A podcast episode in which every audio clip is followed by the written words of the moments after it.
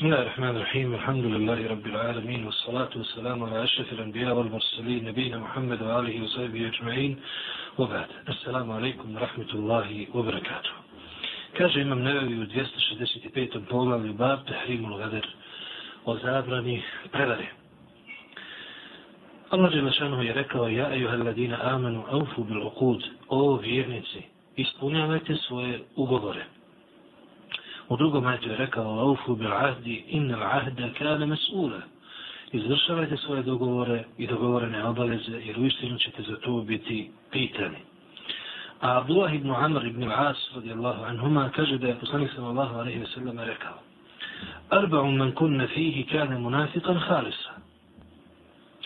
ومن كانت فيه خصلة منهن كان فيه خصلة منهن كان فيه خصلة من النفاق حتى يدعها إذا اؤتمن خان وإذا حدث كذب وإذا عاهد غدر وإذا خاصم فجر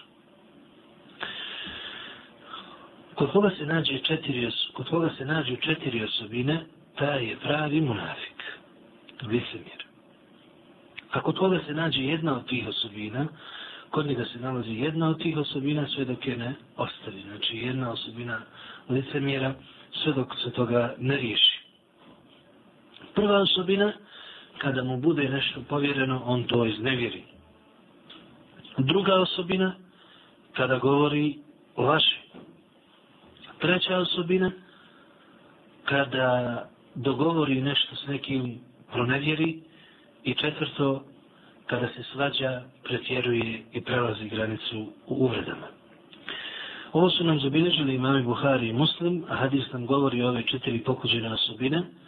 E, I naravno, vjerniku je zabranjeno poistovješivati se sa munaficima i licemirima, stoga vidimo da je prevariti druge, ne ispoštovati ugovoreni uh, ugovorenu stvar, ne ispoštovati ugovoreni posao, ne ispoštovati nešto što je čovjek dogovorio, bilo to potpisan ili bilo to kroz sam ugovor uh, podrazumijevano da spada u zabranjene stvari i smatra se grijehom. A od Abdullah ibn Mas'uda i ibn Umara wa Anas radijallahu anhuma قالوا قال النبي صلى الله عليه وسلم لكل غادر لواء يوم القيامة يقال هذه غدرة فلان A prenijeli su nam Abdullah ibn Mas'ud, Abdullah ibn Umar, Anas radijallahu anhum, da je poslanik sallallahu alaihi wa sallam rekao, svaki prevarant na kijametskom danu imat će zastavu i reći će se to je prevara tog i tog čovjeka. A Ebu Sa'id al-Hudri radijallahu anhu kaže nam da je poslanik sallallahu alaihi wa sallam rekao li kulli gadirin liwa inda istihi. Jevma al-qiyama yurfa'u lahu bi qadri gadrihi. Ala wala gadira a'zamu gadran min amiri amma. Kaže nam Ebu Sa'id u drugom rivajetu ovog hadisa, u sličnom hadisu, da će svaki prevarant imati kod svoje stražnice na kijametskom danu veliku zastavu. I ta zastava će biti velika onoliko kolika je bila njegova prevara. Znači, e, sa leđa, e, sa njegove, znači, e, zadnje strane bit će mu postavljena ta zastava kako bi bio to svima znanak na kiramitskom danu da je on bio u istinu prevarant. Zatim poslanik sallallahu alaihi ve sellem kaže u istinu najveća prevara je prevara onoga koji vodi narod. Znači kraljevi, predsjednici i ostali, ako oni varaju svoj narod i prevare svoj narod, to se smatra najvećom mogućom prevarom. Ovo nam je zabilježio imam muslim. A Abu Hureyre radijallahu anhu kaže nam da je poslanik sallallahu alaihi ve sellem rekao Kala Allahu ta'ala Thalathetun ana hasmuhum jom il-qiyama رجل آتى بي ثم غدر ورجل باع حرا فأكل ثمنه ورجل استأجر أجيرا فاستوفى منه ولم يعطه أجره Ebu Hureyre nam kaže da je poslanik sallallahu alaihi wa sallam rekao, rekao je uzvišeni Allah. To znači da je hadis kuci. Trojici ću ja biti parničar na sudnjem danu, kaže Allah Đelešanu. Znači na sudnjem danu Allah Đelešanu će teretiti trojicu na kijametskom danu. Ako me Allah Đelešanu, koga Allah Đelešanu tereti za neko dijelo, taj je sigurno propao i nastradao. Pa koja su to trojice? Prvi je čovjek koji je s mojim imenom, kaže Allah Đalešanuhu, dogovorio nešto, potom prevario nekoga. Znači, napravio ugovor i rekao tako mi Allaha, ja ću to ispuniti, uraditi i tako dalje. I onda bez ikakva opravdanja nije to izvršio, nije to uradio što je rekao, nije, uh, nije znači ispunio to, takvom će, takvog će Allah Đelešanu teretiti na kijametskom danu. Drugi je čovjek koji proda slobodnog čovjeka kao roba, potom hrani se tim novcem. Drugi je, odnosno treći, čovjek koji unajmi radnike. I oni urade sve što im je naređeno i što su se dogovorili, a on im ne dadne platu za to. Znači ovaj treći, koji će Allah Đelešanu posebno kriviti, i on će mu biti taj koji će protiv njega na sudnjem danu biti, to je čovjek koji ima pod, pod sobom, pod svojom kontrolom radnike, znači ima firmu, ili je doveo neke radnike da mu urade nešto, određeni posao, i oni urade posao onako kako su se dogovorili, potpuno, a on im ne plati za taj njihov posao. Ne plati im za taj njihov posao, ili im ne plati potpuno, znači daje im dio, a za dio ih prevari. To je u, u istinu ružno, pokuđeno dijelo, ukoliko čovjek je u stanju, to bi trebao izmiriti i dati i platiti. Ako nije u stanju, trebao bi reći ili ne opuštati se u takav posao i slično. Tako da e, oni koji imaju radnike ili koji imaju firma, pokušavaju ih zakinuti, prevariti i ne platiti, odugovlače i slično, a u stanju su, neka znaju da ne rade dobro tijelo i da je to zabranjeno kao što smo vidjeli iz ovog, iz ovog hadisa. Znači, ovi ajeti koji smo spomenuli i ovih nekoliko hadisa ukazuju na sljedeći. Prvo, zabranjeno je varati i prevariti druge i ako se nešto dogovori, to se mora ispuniti. Ako umeđu vremenu nastupi nekakva smetnja ili nešto se ispriječi između nas i između izvršenja toga što smo se dogovorili, trebamo blagovremeno obavijestiti one s kojima smo napravili dogovor i ugovor. Također kažu učenjaci, to što je zabranjeno prevariti druge znači da je obaveza i da smo dužni ispuniti naše dogovore i ugovore. Ti dogovori mogu biti sa određenim institucijama kao što su recimo zdravstvene ustanove, kao što su školske ustanove, obrazovne ustanove ili bilo što drugo gdje smo dogovorili, u to spadaju i krediti, u to spadaju i pozajmice, u to spadaju i naši lični dogovori sa ljudima direktno u direktnom kontaktu i slično, sve se to ubraja u obavezu da se to mora izmiriti i ispoštovati. Također, kažu naši učenjaci, u prevaru ove vrste spada i prekrivanje maha na određenoj robi. Pa ako imamo neku robu, na primjer auto, prodajemo nekome polovno auto i kažemo, evo ti auto, pogledaj, vidi, radi s njega što hoćeš, ali mi nećemo da kažemo da ima neku mahanu, a znamo da ima mahanu. To nije isto tako dozvoljeno i smatra se prevarom. Zašto? Zato što ako ima mahanu određenu, zašto je ne kažeš? Ne, ne, kaž, ne govoriš je zato što bi smanjilo cijenu auto. I onda kažeš pa nek on traži sam i slično. To prije svega nije u skladu sa hadisom u kojem je poslanik sallallahu alaihi wa sallam rekao da je čovjek dužan imati iskren odnos prema svim muslimanima i prema ljudima s kojima radi. Također, nema sumnje da je to vid prevare, jer nismo čovjeku rekli, možda se ne bi odlučio da kupi to auto, da smo mu rekli da ima tu mahanu i slično, ili bar ne za tu cijenu koju si ti rekao i tako dalje. Tako da nema nikakve sumnje da prikrivanje tih mahana, odnosno neiznošenje, već u tim nekakvim u toj takakvoj kupoprodaji je svakako vid prevare. Također u to ulazi, ulazi prevara kada je u pitanju brak. Često se zna desiti da ljudi, odnosno žene, dogovore se prilikom braka, naročito ako je to drugi brak ili treći brak i slično, gdje oba supružnika imaju djecu iz prethodnih brakova i tako dalje. Obično se tu uslovljavaju određeni uslovi, pa žena kaže udaću se ali po tim i tim uslovom ili on kaže oženit ću se ali po tim i tim uslovom. E, ne ispuniti te uslove ako su u skladu sa šarijetom, e, smatra se prevarom.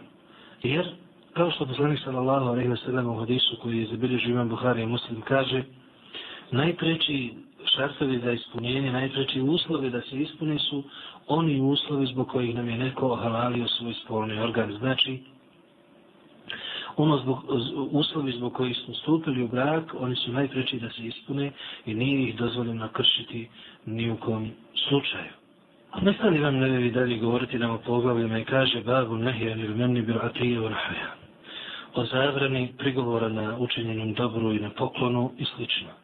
Znači, ako uradimo nekome dobro dijelo ili poklonimo nekome nešto ili pomognemo nekome u novčanom i materijalnom smislu, zabranimo je to spominjati i prigovarati i slično. Rekao je Allah Đelešanomu, ja i hrledina amenu, la tubtilu sadakatikum bil menni wal eda, o vjernici, ne poništavajte svoje sadake prigovaranjem i uznemiravanjem.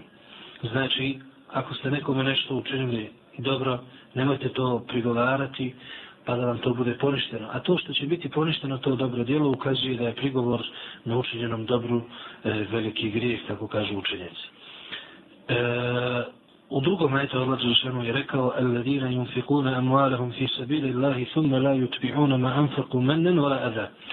Oni koji udjeljuju svoje metke na Allahovom putu, potom e, ne prigovaraju na tom udjeljenom imetku, niti uznemiravaju druge zbog toga. Znači oni su ti koji su pohvalni i oni su ti čiji će sadake i njihovo udjeljivanje biti prihvaćeno i primjeno i mogu se nadati nagradi. I zato se razumije da oni koji prigovore na učinjenom dobro i na udjeljenoj sadake i uznemire druge zbog toga, da im to neće biti prihvaćeno i neće od toga imati nikakve koristi. A Ebu Dar radi Allahu anhu kaže nam da je vjerovjesnik sallallahu alaihi wa sallam rekao Salatetun la yukellimuhum Allahu jevme al-qiyame wa la yanzuru ilaihim wa la yuzakihim wa lahum azabun alim. قال فقرأها رسول الله صلى الله عليه وسلم ثلاث مرات قال أبو ذر خابوا وخسروا منهم يا رسول الله قال المسبل والمنان والمنفق سلعته بالحالف الكاذب Kaže nam Ebu Zer da je poslanik sallam rekao, s trojicom Allah na, na kijametskom danu neće razgovarati, neće ih ni pogledati, neće ih ni očistiti i bolom će ih kaznom kazniti. Pa je to poslanik sallallahu alaihi sallam ponovio tri puta. Znači da bi potvrdio značenje toga, da bi privukao pažnju sahaba, da to dobro poslušaju i zapitaju se ko su oni, poslanik je ponovio to tri puta, što inače bio njegov običaj u takvim slučajima. Kaže Ebu Zer, radijallahu anhu, habu wa hasiru minhum ja Rasulullah. Propali su i izgubili su sve Allahov poslaniče. Ko su oni? Pa je rekao al musbilu wal mannanu wal munafiku silatahu bil halif il kari. Al musbil to je onaj muškarac čija odjeća prelazi članke. Potom al mannan to je onaj ko prigovara na učinjenom dobru. والمنفق سلعته بالحالف الكاذب da je onaj koji prodaje svoju robu lažno se zaklinjući. Znači, lažno se zakune Allahom da je to tako i tako da bi ljudi kupili robu, a nije tako. Ovo nam je prenio imam muslim. U drugom rivatu stoji al musbil izarahu, jani al musbil izarahu wa teubaru asfala min al kabejni lil hojala. Kaže imam nevi u drugom rivatu se kaže, znači, onaj ko svoj donio vrtač spusti ispod članaka, to jest spusti ispod članaka oholeći se i slično. Znači, kažu naši učenjaci, zabranjeno je muškarcu spuštati odjeću ispod članaka zbog oholosti, jer to je bio vid oholje, oholjenja tadašnjih mušlika u Mekki, jer oni koji su bili na nekakvom položaju, koji su bili nekakvi velikani, oni su pokazivali to E, izdižući se iz nadobičnog svijeta tako što su svoju odjeću produživali, ona se je vukla po zemlji. Poslanik sallallahu alaihi wa sallam je to zabranio, naravno, jer sve što se ubraja u oholost je zabranjeno. Pa čak i ono što bi moglo odvesti u oholost je zabranjeno. Međutim, kažu naši učenjaci, čak i ako čovjek to ne uradi zbog oholosti, bila zabranjeno, iako ga ne sleduje ova kazna, nego se na njega odnosi hadis koji je zabilježen imam Buhari i muslim, u kojem je poslanik sallallahu alaihi wa sallam rekao na esfele na kabein fe firnara u kema kao se sallam ono što, odjeća koja bude muškarca iskog članaka bit će u džahnemskoj vatri. Znači, u svakom slučaju, to je jedan propis koji kod nas je zapostavljen uglavnom, ali je propis u vezi sa muškom odjećom, kao što imamo za žensku odjeću određene propise, tako isto imamo i za mušku odjeću. Jedan od tih propisa je svakako i ovaj. Al-Menan, to je onaj ko prigovori na učinjenom dobru, ako je dao se tako nekome, ako je pomogao nekome i tako dalje, prigovori se jedno pred tim čovjekom ili pred drugim i slično, i onaj kod prodaje svoju robu lažnim zakletama, znači zabranjeno je lažno se zaklinjati, naročito zbog tog dunjalučkog šićara koji e, ne traje dugo i koji će proći, koji je prolazan i spominjati Allahovo ime, zaklinjati se Allahovim imenom, da bi se taj nekakav dunjalučki šićar ugrabio u istinu ne priliči osobi koja vjeruje u Allaha i u sudnji dan, zato a, e, je izabranjeno to tako primjenjivati i raditi. Dalje kaže nam imam nebevi u sljedećem pogledu en nehi vani riftiharu albegi. Zabranjeno je hvalisati se pred drugim ljudima i nasilje drugima činiti. Allah Đelešanova je rekao fela tu zrku anfusakum huva alemu bimeli teka. Nemojte se hvalisati. Nemojte se hvaliti pred drugima svojim odlikama i osobinama on, Allah najbolje zna ko je bogobojazan. U drugom ajetu je rekao, inna me sebiru alu ladine jazlimuna nas, wa jabguna fil ardi bi gajri haq, ulajke lahum azabun alim. Oni koji trebaju da snose posljedice svojih postupaka i koji trebaju biti kaženi za svoje postupke su oni koji čine nasilje ljudima i koji e, nepravdu na zemlji čine bez bespravno. Kažu naši učenjaci, Allah je rekao nepravdu bespravno. Nepravda ne može biti s pravom nikada, ali time želio pojasniti pravo, to je jedan kuranski stil i metod kada, kada se jedno značenje pojačava i želi se posebno da se ucrta da je to nešto znači bespravno, da to ne smije čovjek raditi drugima nasilje činiti na zemlji, to su oni koji će biti bolnom kaznom kažnjeni.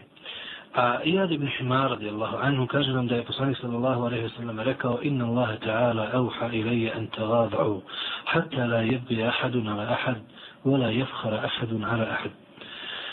Kaže poslanik sallallahu alejhi ve sellem Allah mi je objavio da budete skromni i da ne činite nasilje jedan drugom i da se ne hvališete jedan na drugim.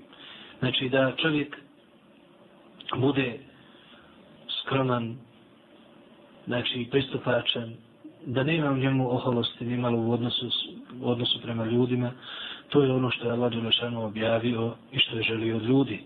Također, da ne čine nasilje jedni drugima, da ne prelaze granice i slično.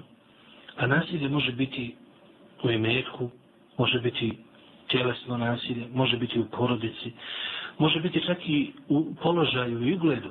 Jer od nasilja je da čovjek nekoga koje je na položaju i koje je ugledan, ruši taj njegov ugled i skrnavi taj njegov položaj ako ga je s pravom u istinu dobio. I to se računa isto tako u nasilje. Zato imamo zabranu klevete, pa imamo zabranu ogovaranja, pa imamo zabranu a, iznošenja neistinitih činjenica. Kao što sve su ta poglavlja prošla i vidjeli smo vidjeli smo znači u prošlim poglavima hadise koji zabranjuju sve što bi moglo se smatrati nasiljem sprem drugog. U drugom hadisu poslanik sallallahu alejhi ve sellem je rekao koji je prenio Abu Hurajra radijallahu anhu: "Iza qala ar-rajulu halaka an-nasu fa huwa ahlakuhum." Kada neko kaže propali su ljudi, on je onaj koji je najviše propao. Ovo nam je zabilježio imam muslim. Šta to znači?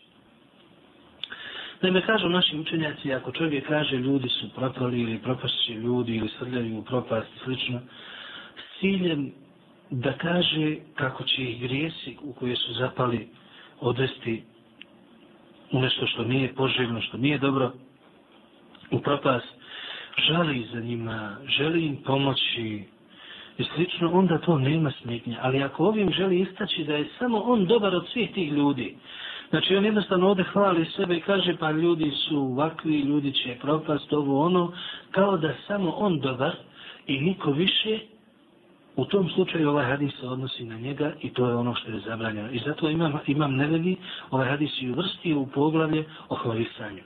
U toj samo hvali koja čovjeka može odvesti u, u vid pokazivanja pred drugima, da drugi čuju za njega i slično, sve su to pokuđena djela koja nište čovjekova dobra djela. I tako treba shvatiti ovaj hadis u tom svjetlu. Ali ako bi čovjek rekao, ljudi su u istinu upustili se u razne grijehe, ne poštuju Allahove granice i slično, i žaljenjem za, za, za njima i želeći ukazati koliko je to pogubno za njih i slično, onda to nema smetnje, kao što kažemo novi u nastavku ovog hadisa. I ovako je ovaj hadis protumačila ulema, pa između ostalog među njima je i Malik ibn Anas, i imam Hatabi, i Humeidi i drugi, kao što kaže imam Nevedi, a posebno imam Nevedi obratio pažnju na ovaj hadis i ovo pitanje u svom dijelu Aleskar koji je prevedeno na naš jezik, tako da je dostupno i našem čitateljstvu. U svakom slučaju, Ovi hadisi i ajeti ukazuju nam da nam nije dozvoljeno zbog toga što nam je Allah Đelešanu podario neku blagodat, jedno bila tjelesna ili blagodat u imetku ili blagodat u znanju ili blagodat u vjeri kao što je ibadet, pokornost i slično. Nije nam dozvoljeno hvalisati se pred drugima, isticati, isticati to s ciljem da budemo iznad njih, da pokažemo kako smo mi bolji i slično. Međutim, ako bismo to rekli s ciljem da govorimo o Allahovim blagodatima, da iznesemo blagodati koje Allah šanom podario prema nama, da budemo zahvalni na tome kao što Allah šanom rekao o emma bi nemeti rabbike fahaddis, a o blagodatima gospodara sulati govori, onda u tom slučaju to je dozvoljeno. I zbog toga je veoma mala razlika nit koja dili al-istihar i tahaddud bin njena. To je ta samohvala i govor o blagodatima. Govoriti o Allahovim blagodatima koje je podario čovjeku i reći pa Allah mi je dao kuću, pa mi je Allah dao uh, da radim, pa imam zdravlje, pa mi je dao djecu i tako dalje. Pa hvala Bogu počeo sam ih klanjati i ostalo. To je dozvoljeno, nema u tome smjetnje. Ali ako to govorimo s ciljem da, da se istaknemo iznad drugih i da kažemo kako smo mi bolji od drugih, a drugi nisu ništa, onda to biva zabranjeno i to više nije iznošenje Allahovih blagodati, nego to je tada iznošenje Allahovih blagodati s ciljem da se istaknemo iznad drugih ljudi. Nastavlja dalje imam najveli govoriti nam o pokućenim stvarima koje čovjek ne bi trebao praktikovati. Pa kaže Bab Tahrimun Hidžan Bela Muslimin فوق ثلاثة أيام إلا نبيدأة في المحجور أو تظاهر بفسق أو نحو ذلك Zabranjeno je muslimanima da se međusobno izbjegavaju duže od tri dana i da prekidaju veze, osim ako je u pitanju nekakva novotarija koju uvodi taj koji se izbjegava ili radi neki veliki grijeh javno i sl.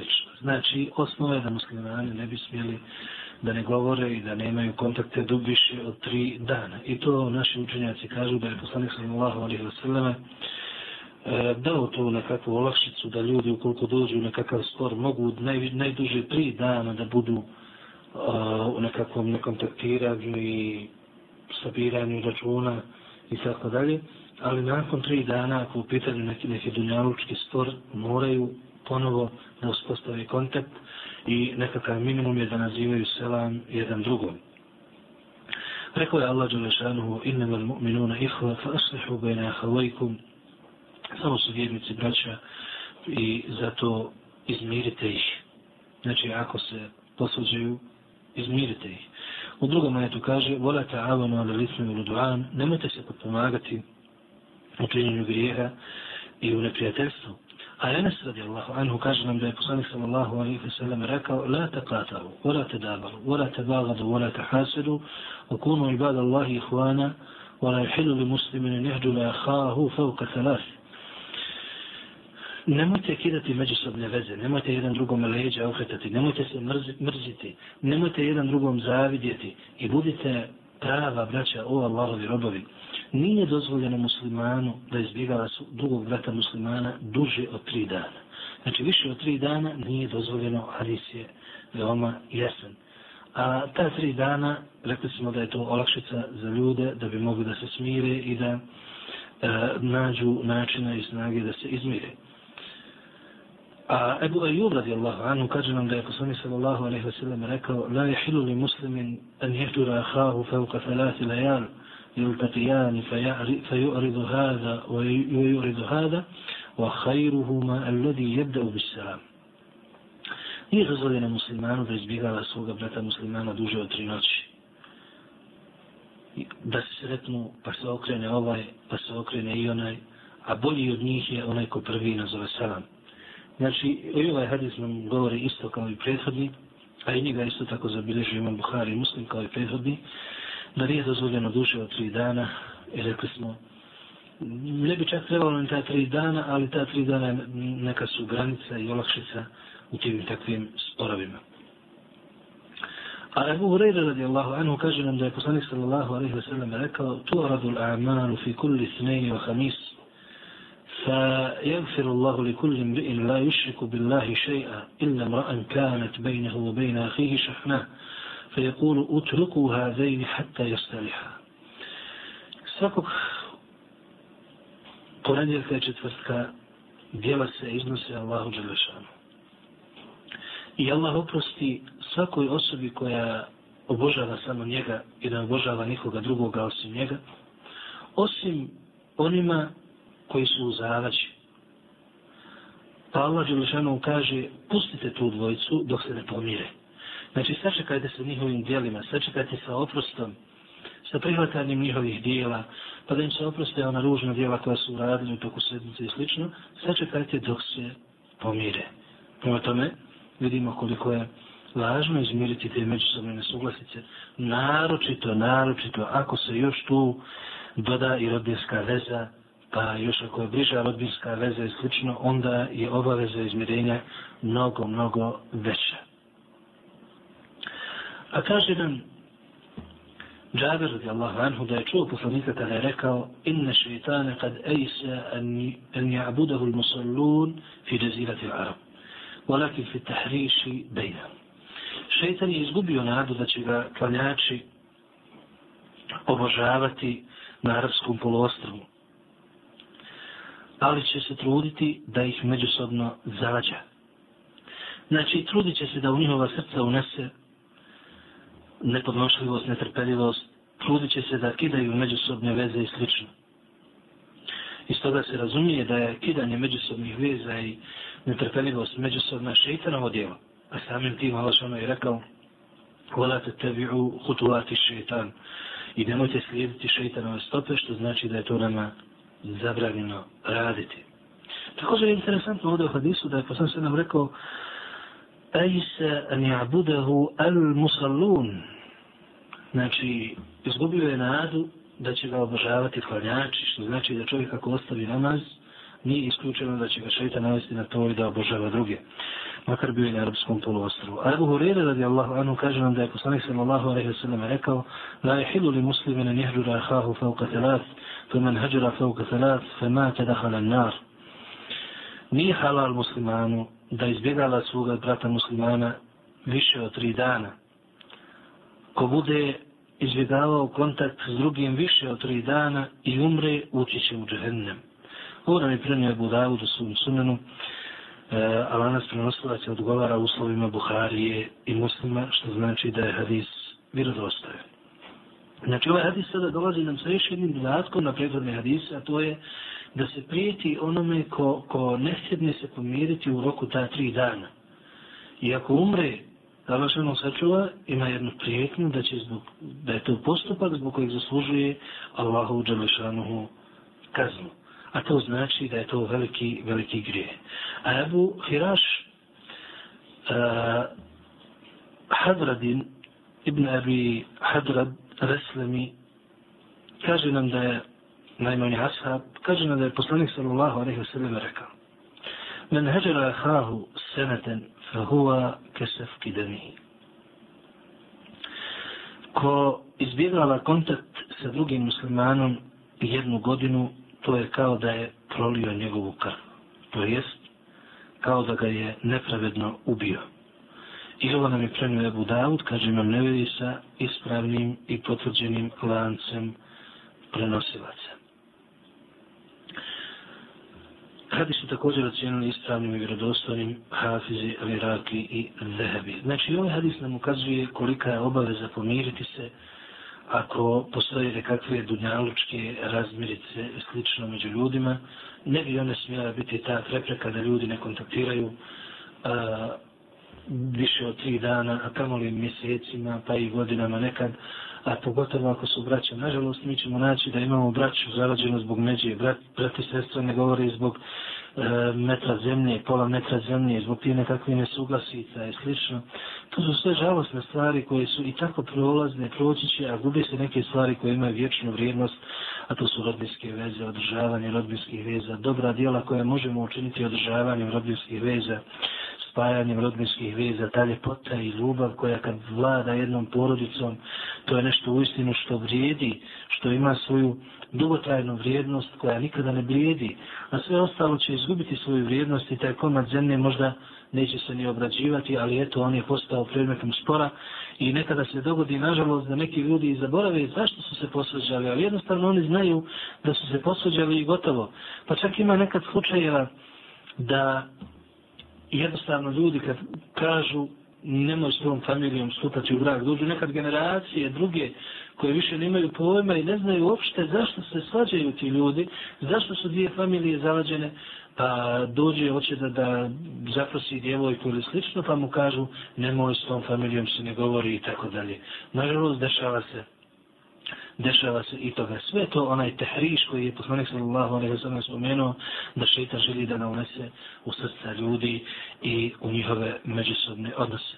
A Ebu Hureyri radijallahu anhu kaže nam da je poslanik sallallahu alejhi ve sellem rekao la yahillu li mu'min an yahjura mu'minan fawqa thalath fa in marrat bihi thalath falyalqah falyusallim alayhi فإن رد عليه السلام فقد اشترك في الأجر وإن لم يرد عليه فقد باء بالإثم وخرج المسلم من الهجرة من الهجرة kaže nam Ebu Hureyre da je poslanik sallallahu alaihi wa sallam rekao nije dozvoljeno vjerniku da izbjegava drugog vjernika više od tri dana. Pa kada prođe nakon tri dana pored njega, neka se potrudi da ga sretne. Znači ne samo da on očekuje hoće ga vidjeti ili neće, nego treba da ga traži, da ga nađe, da se sretne s njim. I neka ga poselami. Pa ako mu odgovori na selam, o, oba će dobiti nagradu. A ako mu ne odgovori selam, on će biti grešan za daljnu, za daljnji prekid veze. A onaj koji je nazvao selam, on je znači prekinuo to nekontaktiranje i izbjegavanje, što znači da neće snositi odgovornost i neće biti grešan zbog daljnjeg međusobnog nekontaktiranja. Ovo nam je prenio Ebu Davud u svom sunenu, kaže imam nevi sa dobrim lancem prenosilaca. Znači, hadis je ovdje jasan da čovjek nakon tri dana ne smije više čekati i treba potruditi se i doći, pa čak i otići kući, i posalamiti osobu i ako treba i izvijeniti se i tako dalje, pokušati da se izmire. Ako ovaj to odbije, on je skinuo sa sebe odgovornost, a ovaj drugi će snositi grijeh i posljedice toga u potpunosti i u celosti.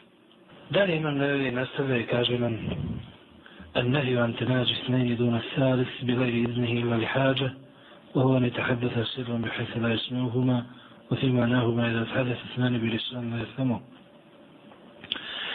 Zabranjeno je da se dvojice sašaptavaju kada ih je trojica u društvu, osim ako im dozvoli treća osoba ili ako za to zbilja ima potreba.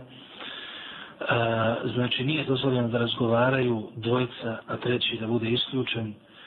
A, isti je slučaj, kaže imam nebevi, ako dvojica razgovaraju jezikom koji treći ne razumije. Rekao je Allah Želešanohu, innama neđuva mine šeitan. sašatavanje je šeitanov posao. Abdullah ibn Umar radijallahu anhu ma kaže nam da je poslanik sallallahu alaihi wasallam rekao Ida kanu thalafatan fala yetanađa snani duna thalith. Kada u društvu budu trojica, dvojka se ne smiju sašatavati, pa treći da ne čuje. Znači, ako su trojica u društvu, onda u tom slučaju trebaju ili pričati ili reći izvini samo malo nešto da ako im dozvoli, ako ne, ali najbolje u svakom slučaju izvjeći bilo kako se šetavanje, ako ih je u društvu trojica, e, a ako ih je više, onda u tom slučaju nema smetnja. Zato nam je Abu Dawud u svom rivajetu ovog hadisa, predani hadis je znači zabilježio imam Buhari, imam Muslim, a Abu Dawud dodaje još dodatak, pa kaže Abu Salih ibn Omeru, a šta ako ih je četverica, pa kaže onda nema smetnje. Znači ako ih je četiri ili više, onda nema smetnje da dvojica se e, se šoptavaju, da govore, da drugi nečuju i tako dalje. Jer ova ima već nekoga s kim može pričati i već e, manja je mogućnost da će pomisliti da se se šoptavaju o njemu i slično. Kaže nam Imam Malik u svom dijelu Al-Muwatta da i premio nam je od Abdullaha ibn Dinara da je, je rekao kuntu ana ibn Umar inda dar Khalid ibn Uqba التي في السوق فجاء رجل يريد أن يناجيه وليس مع ابن عمر أحد غيري فدعا ابن عمر رجلا آخر حتى كنا أربعة فقال لي وللرجل الثالث الذي دعا استأخر شيئا فإني سمعت رسول الله صلى الله عليه وسلم يقول لا يتناجى اثنان دون واحد Znači, kaže nam Abdullah ibn Dinar, bio se sa Abdullahom ibn Omerom kod Halidove kuće koja se nalazi na tržnici, na pijaci i sl. I došao je neki čovjek koji je želio s njim nasamo razgovarati. A nije bilo nikoga osim nas dvojice, znači mene i Abdullah ibn Omera i ta čovjek je treći. Znači trojica i dvojica ne mogu razgovarati, a da treći e, stoji i gleda. Pa je Abdullah ibn Omer pozvao nekog čovjeka, tako da nas je bilo četverica, pa je rekao meni i tom čovjeku, malo sačekajte, idite malo sporije, jer ja sam čuo Allahovog poslanika da je rekao, neka se dvojica ne sašotavaju, a jedan da gleda. A Abdullah ibn Mas'ud radijallahu anhu kaže nam da je poslanik sallallahu alejhi ve sellem rekao: "Ida kuntum thalatha fala yatanaja snani dun al-akhar hatta tahtalitu bin-nas min ajli an dhalika yuhzib." Kada vas je trojica, nemojte dvojica da se sašaptavaju, a treći da bude sram, sve dok se ne pomiješate s ljudima. Zato što bi ga to rastužilo i ražalostilo. Ovo su nam prenijeli imami Buhari i Muslim. Znači, ovi svi hadisi koje smo mi naveli, govore nam o jednom velikom edebu, bontonu, jednom koji, ko, koji, kojeg se moramo pridržavati i koji ukazuje na veličinu ove vjere i kako ova vjera čuva osjećaje svakog čovjeka, svakog pojedinca, pa ako se nađe u društvu trojica, naravno kada bi se dvojica sašoptavala ili govorila jezikom koji ovaj ne razumije, da bi to e, pogodilo vas. Možda bi šetar mu došao i rekao da bi, ili naveo mu misli na to da oni govore o njemu nešto ružno što on ne želi čuti i tako dalje. Uglavnom, ovaj bi se osjećao veoma neprijatno što je primjetno ako, ako čovjek se nađe u takvim situacijama, vidi koliko mu bude neprijatno da ne zna gdje bi se sobom išavi i ovdje nam zato poznaš Seleme kaže da bi očuvao te lijepe veze i te dobre misli, da bi svako se osjećao u društvu prijatno kaže da se dvojica ne sašaptavaju, ako ih je trojica, dok se ne pomiješaju s ljudima ili da ih bude veći broj, četiri pa više. Znači, ako ima četverica i više, mogu se dvojica sašaptavati jer ova ima s kim pričati i s kim biti dok ovi pričaju, a ako ih je manje, onda nije dozvoljeno kao što smo vidjeli iz